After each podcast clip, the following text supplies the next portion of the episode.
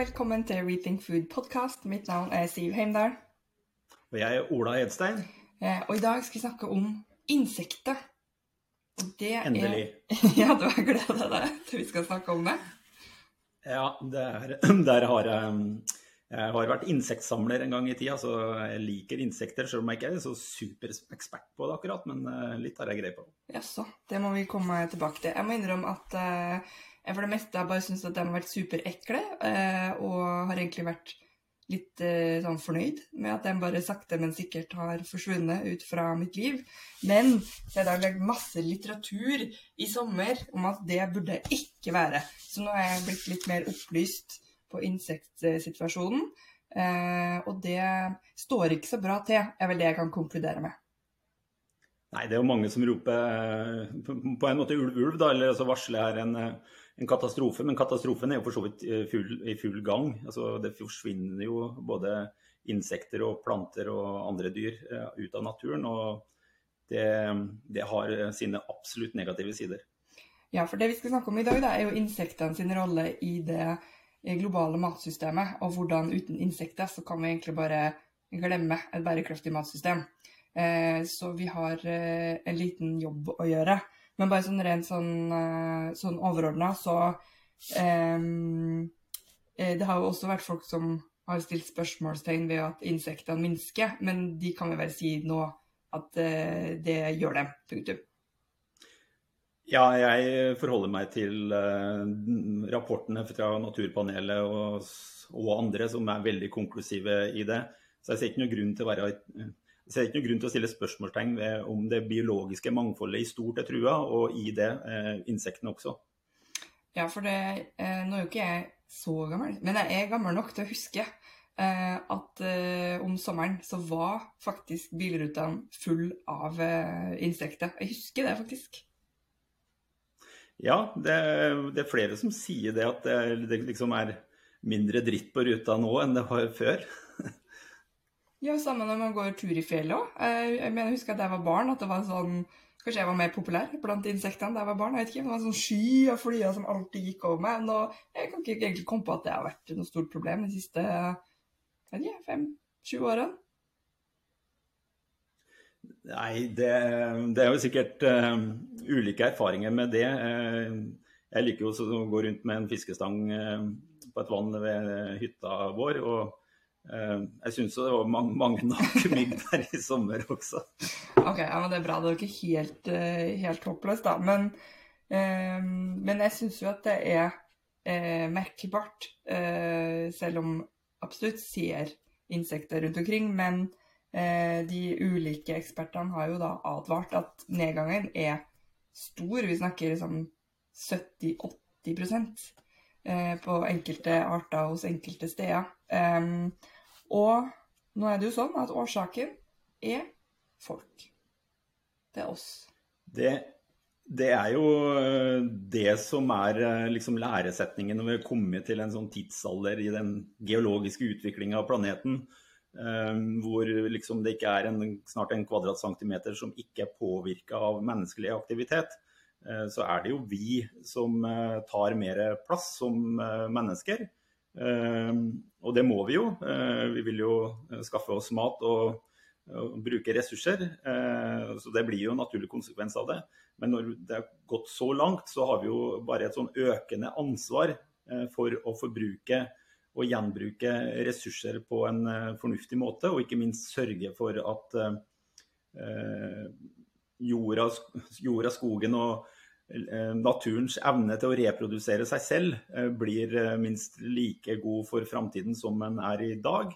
Og det slår jo rett inn på den store debatten om matsystemet, hvordan vi skal produsere nok mat til en voksende befolkning.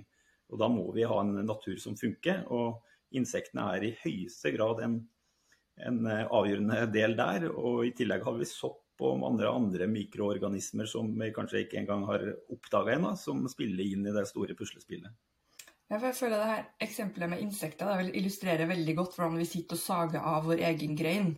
Eh, for det viser jo at eh, vi er helt avhengige av de insektene for å produsere den maten eh, vi trenger.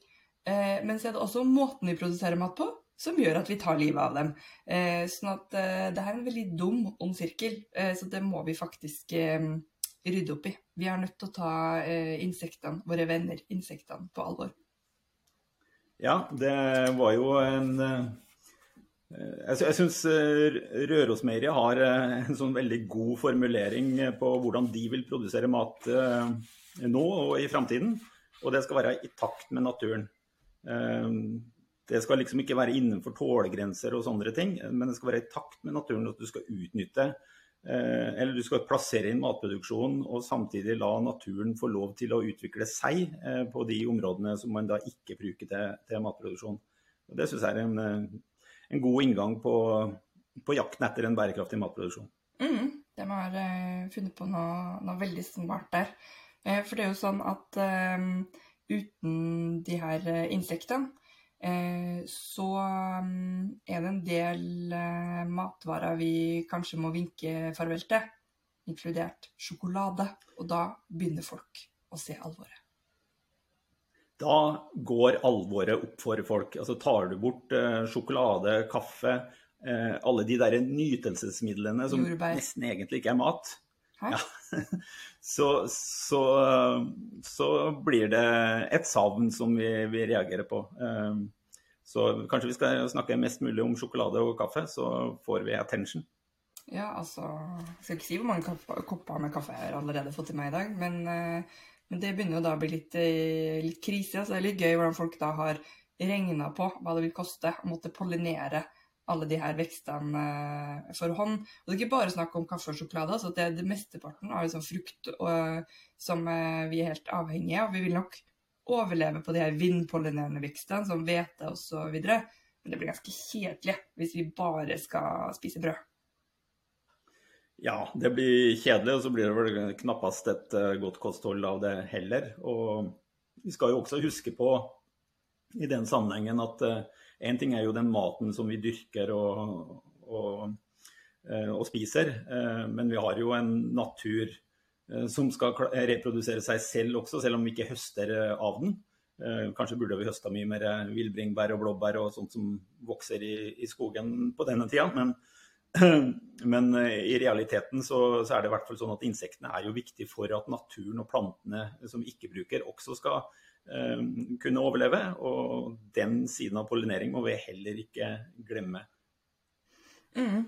Eh, for det er jo eh, eh bare det som, eh, som, går på pollinering, da. Altså eh, tenkte om vi skulle liksom begynne å pollinere for hånd. Altså det, altså det, det, er jo bare altså Vi hadde jo sikkert fått det til, for vi får jo til alt mulig. Men vi snakker jo her om å sysselsette ikke, mange, mange tusen mennesker i mest eh, intrikate arbeid. For det har jeg også lest, lært av å lese meg litt opp på insekter at mange av de vekstene og blomstene eh, og insektene har på en måte eh, utvikla Eh, et system så det er liksom perfekt tilpassa hverandre. Sånn at det én blomst skal pollineres på én måte.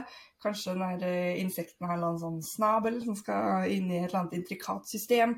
Eh, så det er jo ikke bare sånn at finner man ut hvordan man pollinerer jordbær, så har man funnet ut hvordan man pollinerer alle andre vekster.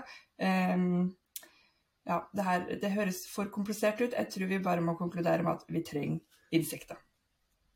Ja, vi, vi, trenger insekter. Så kan man av og til lure på om naturen har vært litt dum. Eh, det kan jo hende det er gode, eh, gode forklaringer til strategien bak å spesialisere én plante til akkurat én type eh, snabel på ett merkelig insekt, og liksom hele eksistensen avhengig av den, den matchen.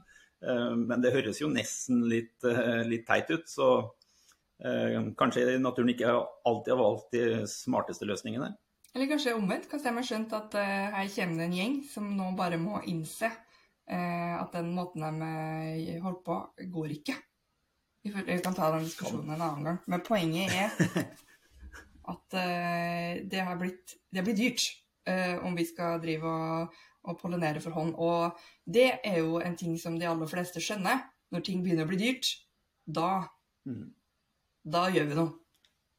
Da blir det action. Og selv om det er aldri så kult å utvikle minidroner som etterligner insekter for å automatisere den pollineringsbiten under kontroll av mennesker, så må vi vel bare innse at det er Det har gått altfor langt hvis vi må, må, i gang med det. Da har vi skapt bare et problem som vi egentlig ikke klarer å, å løse på en god måte. Så all ære til de som klarer å lage disse smarte små minidronene. Men jeg vil helst at vi har naturen til å gjøre den jobben. Og det er jo mulig å redde seg inn hvis vi tar affære der også. Og du skal jo stikkordet her i sted hva, hvordan forsvinner de innenfor matproduksjon. Og det er jo mye den gifta vi strør utover, pluss at vi, i hvert fall i en del andre land, har så store monoarealer at det ikke finnes si, natur som, som, kan stå for den pollineringa eller har plass til å eksistere. Ja, for det her er litt gøy, da. Og det her Jeg kjenner at jeg blir litt engasjert. Og det er jo da at mye Eller grunnen til at vi har tatt livet av insektene, som er da kjemiske plantevernmidler, eh, det viser seg jo da at insekter kan heller liksom være redninga og løsninga på problemet. Vi bruker jo da kjemiske plantevernmidler fordi man vil bli kvitt enkelte skadedyr, eh, og mugg og ugress og alt mulig sånne ting. Eh, men det tar jo ikke liv, det tar ikke bare livet av dem vi vil bli kvitt, det tar jo livet av alt. Men så viser det seg at vi kan jo faktisk bruke insektene sjøl til å gjøre den jobben. Det er jo genialt! Det er uh, genialt. Og eh, den gangen jeg var student da, på slutten av 80-tallet, eh, så var dette virkelig banebrytende ny kunnskap. Uh, med snyltevepser, som det var særlig snakk om, uh, om den gangen. men det er jo da en sånn type nyttedyr eh, som brukes kommersielt i stor stil nå. Så vi, vi går sakte, men sikkert framover og finner alternative metoder innenfor det som heter biologisk plantevern. Og det er bra, det kommer vi sikkert tilbake til. Eh, men parallelt med det da, så har vi jo i tillegg til å utvikle mer giftige kjemikalier på sine finurlige måter, så har vi jo til og med eh, brukt Eh, genteknologi til å lære plantene å tåle mer gift, så vi kan sprøyte dem enda hardere for å få bort disse insektene. og Det hører man jo en gang er en vond sirkel. Eh, og er, Da er det jo ikke genteknologien som er problemet, men hva vi velger å bruke den til. Eh, det, det å høre med i dette bildet, hvor, hvor tullete vi klarer å ordne oss egentlig. Ja, eh, vi, eh, vi, mennesker vi, eh, vi, gjør mye rart. Det må vi konkludere med ut fra den situasjonen vi er nå. Men vi er jo også ganske smarte og finner på løsninger. Så når vi bare har innsett alt det dumme vi gjør, så kommer vi jo på ganske mange smarte ting også. Og det da å bruke insektene som da f.eks. den her snyltevepsen, hadde ikke hørt om den før, som da angriper akkurat liksom den eh, tingen som ikke er bra for, eh, for, planten. Men alt det andre rundt skader den jo ikke. Så det er jo egentlig bare en vinn-vinn-situasjon for alle. For planten, som slipper å bli sprøyta. For folk, som skal spise den. For gartneren, ikke minst, som slipper å ha noe med denne eh, gifta å gjøre. Eh, og vi slipper også forurensning eh, i, i, miljøet rundt. Det blir veldig mange vinn. Vinn, vinn, vinn, vinn bare vinn-vinn. Og nå er jo ikke jeg gårdbruker, men eh, når jeg ser alle de vernetiltakene for helsa til bonden som eh, er innført med rette og forstand, egentlig, for å beskytte bonden mot den gifta han bruker på plantene, så er det jo ikke vanskelig å forstå at hvis han kan slippe å ha alle disse sertifikatene for å sprøyte med det ene og det andre, alt verneutstyret som ser ut som en skal på en romstasjon, eh, egentlig, eh, så, så, er jo det et bedre liv for, eh, for, den som behandler plantene. Og for vi som skal spise det, som ser hvordan man må beskytte bonden når han sprøyter en del vekster, så er det jo grunn til å føle en bekymring for ops, er dette bra å ha på maten min, da? Hva, hva skjer? Og heldigvis da, så har jo EU, som vi trekker fram eh, mange ganger, eh, fordi de har en aktiv politikk på dette området, i motsetning til det som jeg syns vi har i Norge, så har jo de satt seg som mål å redusere bruken av kjemiske og giftige sprøytemidler med, med 50% og det er, det er typisk politisk mål, men det viser jo en marsjordre til de som sitter med gode ideer på at her er det rom, her kommer det et marked. For det vil bli eh, ulovlig å bruke mange av de sprøytemidlene som i dag eh, finnes. Ja, En ting er jo eh, bruk av eh, biologisk plantevern, som f.eks. denne vepsen er. da. Eh, og så er det jo de som mener at eh, det er mulig å bruke flere. men vi skal også ha i bakhodet at det å ta i bruk biologisk plantevern, det er jo ikke helt problemfritt det heller. Det har jo vært eksempler hvor man har importert inn andre arter, og så har konsekvensen Eh, blitt eh, noe helt annet enn det man håpte på. sånn at eh, man kan jo ikke importere masse vepser som ikke, vi ikke har her til land, og så bare tar dem over hele Trøndelag. Det hadde vært veldig dumt. Så det må vi, det må vi ha i bakhodet. men da har vi jo noen andre verktøy i verktøykassa vår også. og det er jo et tema som vi snakka mye om. Det er jo den her agri-food tech. Men ny teknologi kommer også med ganske mange smarte løsninger på hvordan vi kan produsere mat eh, med mindre giftig eller kjemiske plantevernsmidler. Da. Det, det, gjør det jo, eh, og da kan vi jo eh, vi kan nevne to forskjellige tilnærminger. Den ene er jo da går på presisjon. altså det er jo et eget begrep med presisjonslandbruk som gjerne blir knytta til liksom å bruke kunstgjødsel og slike ting så målretta og riktig som overhodet mulig. Men så har vi også presisjonslandbruk knytta til å kun sprøyte der det er behov for det, eh, og eh, sørge for at eh, det, den gifta som brukes, treffer så målretta som, som, mulig. Og de der robotene som kjører rundt med, med kameraer og visjonsutstyr og svære algoritmer som beregner hvor den, de to frøbladene fra ugresset står midt imellom eh, kålrot og gulrot og hva det er for noe vekster, eh, og slipper en dråpe akkurat på de to eh, tofrøbladene, det er jo virkelig sånn science fiction i, i presisjon. For det her går fort og er veldig virksomt. Og effektene av den type teknologi er jo en reduksjon i sprøytemiddelbruken på den aktuelle produksjonen med opptil 90-95% og Det betyr jo en stor forskjell bare i mengde redusert ved å bruke den riktig. Eh, og så har du den andre siden for å rette opp, eh, rette opp eh, nedsnakking av genteknologi, så kan man jo bruke genteknologi på omvendt måte. Istedenfor å lære planten å tåle gift, så kan vi lære planten å tåle skadedyrene, altså ikke bli så sårbare for den. Eller rett og slett eh, utkonkurrere skadedyrene ved å ha et sterkere immunforsvar eh, selv. Eh, plantene er jo som mennesker, de har jo et immunforsvar de òg. Og vi beskytter oss mot den, skade, den skaden som, som insekter sprøyter inn i plantene eksempelvis. Og Den andre metoden er jo genteknologi. Nå snakka jeg jo ned den litt i, i sted.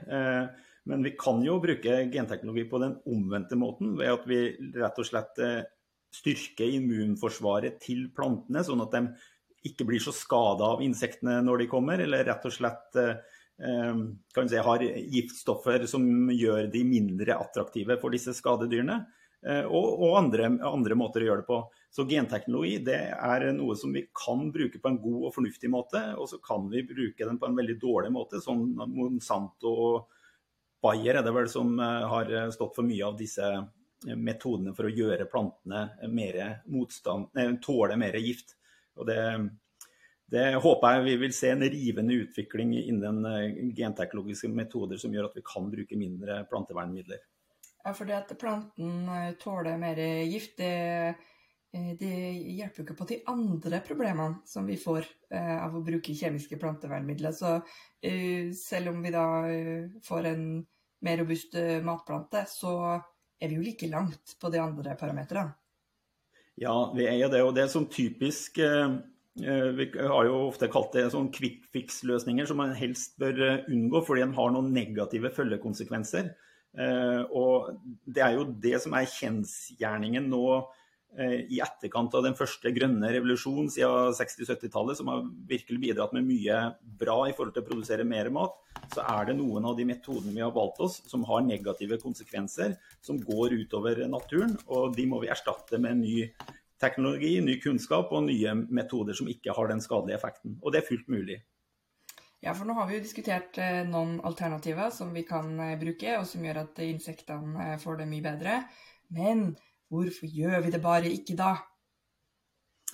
Nei, det, det, er det jo ikke noe enkelt svar på. Men noe av det er knytta til det du nevnte i sted, med at vi kan jo ikke slenge ut Eh, importere insekter som kan drepe lus eller eh, andre skadedyr eh, helt ukritisk. Vi må jo vite hvordan de fungerer i vår natur her i Norge. Og Derfor så må det være godkjenningsordninger på også biologisk plantevern, sånn som det er på kjemisk plantevern. Men mye tyder på at det går litt for seint i forhold til å vurdere nye metoder og putte ordentlig med verktøy i verktøykassen innenfor biologisk plantevern. Eh, og jeg ble i hvert fall overraska i sommer. Det var, jo, det var jo, noen gode artikler i, i, Dagsavisen om dette i sommer som gjorde at vi dukka litt eh, ned i det. Eh, og da viser det seg at verktøykassa for biologisk plantevern, altså bruke nytteinsekter istedenfor for gift, den er mindre i Norge enn det den er i Sverige. Og i Sverige så er den litt mindre enn det som du har liksom innenfor hele EU-systemet. Eh, og så kom det en, en internasjonal eh, studie på dette som, eh, som, viste at det var i USA hvor du hadde flest alternativer til kjemisk plantevern. Kanskje rett og slett fordi amerikanerne tok litt lett på denne godkjenningsmetoden. Men, men, i sum så viser det seg at det da er mye mer vi kan gjøre enn det som er tillatt å gjøre i Norge. Og da jeg føler meg ganske sikker på at det ikke er rett å åpne opp for alt. Eh, men det er også mange muligheter som vi kan berike den norske verktøykassa med, ved å sørge for å godkjenne de, de gode, gode, tingene, og ikke minst da sørge for at vi forsker og erverver oss kunnskap om, om bruken av andre insekter som nyttedyr i norsk matproduksjon. Så Det er jo da en regulatorisk eh, hindring, egentlig. Men Eh, den innføringa av ny teknologi, da, der tenker jeg at eh, der må vi som samfunn rundt også være med og støtte opp at det skal faktisk være lønnsomt å ta i bruk denne nye teknologien. Ja, altså Hvis det er sånn at det til realistisk kostnadsnivå uh, finnes en maskin, en robot, som kan redusere plantevern, kjemisk plantevernmiddelbruk i gulrotproduksjon, med over 90% så har vi kommet dit at eh, da må det nesten bli et eh, krav, en standard fra enten da eh, Bama eller dagligvarekjeder som, som selger disse produktene, eller fra, fra, myndighetene. Vi kan ikke vente på at noen får lyst til å bruke denne teknologien. Vi må sørge for at den blir tatt i bruk så fort som mulig, og at det blir lønnsomt å bruke teknologien. Hvis det ikke er lønnsomt for bonden å bruke den, så skjønner jeg jo at han ikke gjør det. Men det går an å skape lønnsomhet ved å straffe den konvensjonelle alternativet som er mer skadelig, eh, eller ved å støtte opp under investeringen til bonden. Og det, det kan jo i og for seg dagligvarekjedene som selger disse produktene, kan jo bidra til at grønnsaksprodusentene grønnsaksprodusenten eller gulrotprodusentene i Norge eh, blir i stand til å foreta disse investeringene som i disse svære milliardregnskapene som er i, i, matkjeden, hvor vi omsetter for milliarder av kroner, så er jo de investeringene som skal til på gulrot, da bitte små i forhold til de, den fortjenesten som ligger i verdikjeden for flere aktører. Ja, og Regnestykket eh, endrer seg også hvis du skal regne inn de miljøproblemene, tap på biologisk mangfold, eh, helsa til gartneren, helsa til folk eh, osv. osv eh, hvis vi skal, vi skal, regne inn hva maten egentlig koster å produsere, da blir de kjemiske plantevernmidlene veldig mye dyrere. Ja, for, eh, for, de kostnadene eller skadene som eh, de kjemiske plantevernmidlene da påfører miljøet, de forsvinner jo ikke. De, de vil jo ligge der. og det må, må vi før neste sesong eller neste generasjon må jo ta de kostnadene og reparere den skaden som oppstått, hvis det, hvis det er mulig å gjøre det.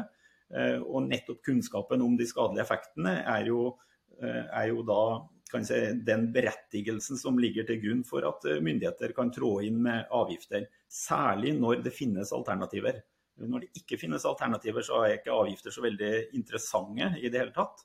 Men når det finnes alternativer, så er det all grunn til å bruke avgifter målrettet for å få til raske skift i produksjonsmetoder. Mm. Enig. Det er på tide å løfte frem eh, hva, hva, det egentlig koster å produsere maten. Eh, og ikke bare liksom, skyve det unna på helsebudsjetter eller eh, miljøbudsjettet eller hvor det nå ender opp. Det ender opp et eller annet sted, og vi betaler for det uansett. Så vi bare sørger for at det er de riktige folka som betaler for det. Ja, og Da kan vi jo henvise til våre nettsider. Der eh, ligger det en artikkel om en studie fra Rockefeller Foundation som beregna hva maten i USA egentlig koster eh, når du inkluderer helsekostnader og skader på miljø. Eh, og de kom jo, For å bruke kortversjonen, så kom de fram til at den egentlige kostnaden med maten i USA var tre ganger det den faktisk kosta. Jeg syns det høres litt lite ut, egentlig, når man begynner å ramse opp alle konsekvensene. Eh, men, men, greit, jeg skal ikke henge meg opp i, metodikken. Eh, men hvis noen har lyst til å være med på å lage en norsk undersøkelse, så for all del ta kontakt. Det hadde vært veldig interessant. Men du, mens vi er inne på insekter, eh, så er det jo et par andre aspekter òg. Og det er jo Nå har vi snakka om insekter med tanke på biologisk mangfold, men også at vi kan avle opp insekter som nyttedyr. Men insekter kan jo brukes til mer enn det. Og det ene er jo da at eh, det er faktisk ganske vanlig å spise insekter i mange land. Ifølge han eksperten jeg har lest eh, her, som er Dave Goulson, hvis han er interessert i det, så sier det faktisk at rundt 80 av verdens befolkning spiser insekter jevnlig. Eh, og det er en praksis som er svært utbredt i Sør-Amerika, Afrika og Asia og deler av Oceania. Eh, eller eh, Australia, da. Sånn at eh, for mange så er jo faktisk insekter mat. Det er det, og det har det jo vært lenge, som du sa. Så det er en åpenbar ressurs det til oss mennesker også, både som å spise eller brukes i fôr til dyra som, som vi spiser. Eh, og tilsvarende har vi jo i havet, om det ikke er insekter der, så er det mange organismer i havet som vi også kan bruke inn i matsystemet, hvis vi kan si, forvalte det på en, en fornuftig måte. Så det, det å dyrke eh, insekter, det er jo i ferd med å ta av eh, industrielt i, i Norge og, og, andre steder. Og det, det interessante med interessante med eh, insektene er jo at eh, de kan fort brukes i et kretsløp hvor de håndterer det Altså at de lever rett og slett på noe av det avfallet som kommer fra industri eller fra, fra husholdningene. Eh, og, og, da produsere protein som vi kan spise direkte hvis det er godkjent til det, eller man kan bruke det som fôringredienser til grisen og, og laksen. Og det det, det, kommer en studie nå som heter Biodig-Sirk, av alle ting. Eh, så sirkulærøkonomi innenfor eh, biologisk produksjon og bruk av si, digitale eh, hjelpemidler i, i, den sammenhengen. Og Der har man sett på, på, noen sånne systemer. Og I Norge har vi to ganske store aktører som satser profesjonelt på å utvikle insektproduksjon i, i Norge. Eh, Pronofa, som Denofa eier, som er en stor soyaimportør. Eh, og Invertapro på, på, Vestlandet, som også har gjort eh, veldig veldig mye bra. Verdt å studere for den som er interessert. Ja, for det med, det med å spise insekter direkte, da, det tror jeg det går mer på kultur. For det er jo ikke noen ting som vi i Vesten har gjort noe særlig av. Og jeg må innrømme at jeg meget skeptisk til å skulle begitt meg ut på det. Eh, så han eh, Golsen her da, ramsa opp alle mulige fordeler med å spise insekter. Det eneste motsetninga han hadde med det, var at det ikke smakte spesielt godt. Eh, og da må jeg innrømme at jeg ble litt letta, fordi det, det, det høres ikke så veldig appetittvekkende ut. Men da er vi også inne på kultur. Og det er også noen ting som um, har falt litt av kanskje på det bærekraftsbegrepet, og det er jo at matkultur er jo også en ganske viktig del av, uh, av, det å skal leve i, i, et bærekraftig matsystem. Så selv om det er noe som funker i en annen verdensdel og er veldig smart der, så betyr jo ikke det at uh, nødvendigvis alle vi andre er villige til å hoppe på. Nei, det, det, sånn, hvis man ser en mulighet og så går etter en sånn ekstrem anvendelse av det, selv om det på papiret ser veldig riktig ut, så, så vil man kanskje bare rett og slett ikke lykkes med å få det til å skje. Altså, det vil ta en stund før eh, nordmenn endra matkultur på en sånn måte at de primært spiste eh, insektprotein framfor eh, animalsk eller protein fra havet. Det, det er bare å erkjenne at sånn, sånn, sånn er det. Men det betyr jo ikke at det ikke er mulig å innfase insekter som en del av kostholdet i økende grad gjennom ja, insektsmel f.eks., som uh, brukes uh, allerede på ulike måter. Uh, og så kan det jo være, som du sa, at enkelte disse larvene eller sånne ting ikke smaker så mye i seg selv, men, men egnet i nettopp litt sånn asiatiske retter, hvor, hvor, krydring er en vesentlig del av smakstilsetningen, og ikke råvaren selv. Så, så, det er mange muligheter her. Så nysgjerrighet på å prøve ut og finne ut hvordan vi kan spise mest mulig av de ressursene som finnes i Norge, og da er jo insektene en mulighet, eh, det er bra. Men sånn revolusjon på et helt sånn ekstremkosthold som føles fremmed, det tror jeg bare provoserer folk, og så vil de ikke bli med på den bølgen.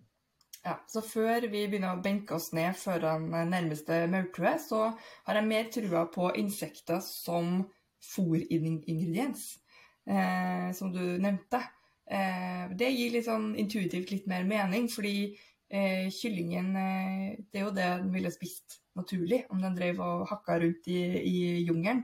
Eh, så det, det, gleder jeg meg til å høre resultatene av de prosjektene, og om det er en, en farbar vei.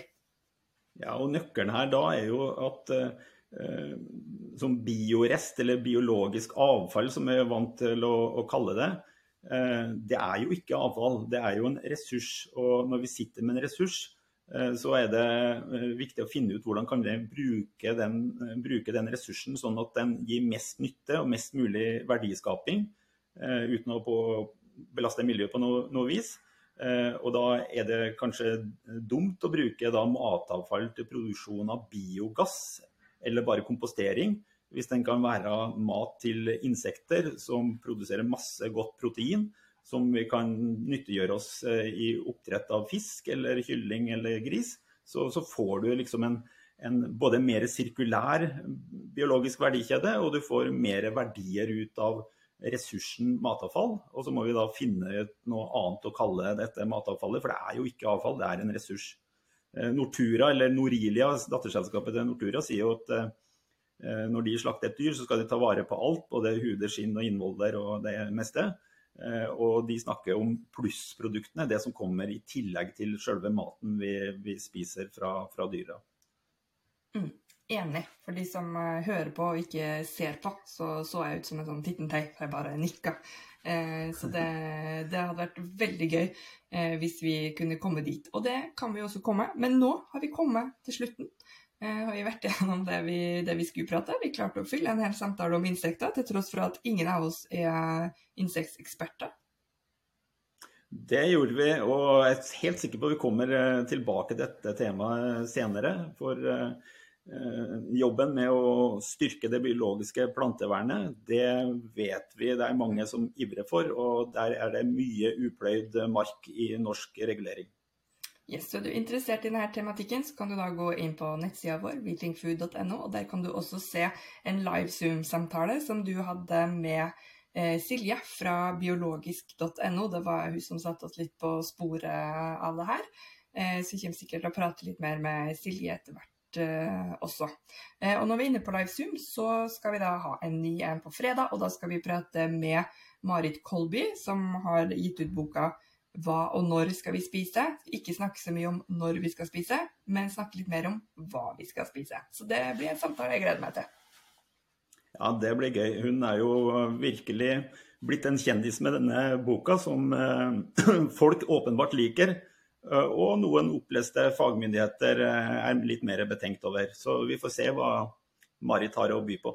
Altså, det er sikkert så mange av oss som har hørt det der 'frokost er det viktigste måltidet' i løpet av dagen, som har tenkt Nei, det er ikke det. Så vi setter veldig stor pris på at Marit kommer og sier dere har helt rett. Det er jo det vi vil høre, at vi har helt rett. ja, sant. Jeg er ikke noen stor frokostspiser selv heller. Det er jo fint i helgene, men ikke klokka sju om morgenen når du skal gå på jobben. Det ja, det ser du. Det er sikkert mange av oss der ute som har uh, traumatiske minner om å bli tvingt inn hjemme. Men det var ikke det vi skulle snakke om. Eh, hvis de som er interessert i den tematikken, kan da gå inn på NRK og se Debatten, f.eks. Der har de prata om det. Men vi skal da holde oss litt mer inn i tematikken bærekraftige matsystemer. Det er det vi, det vi Men da setter vi strek der, så takk for nå. Ha det bra.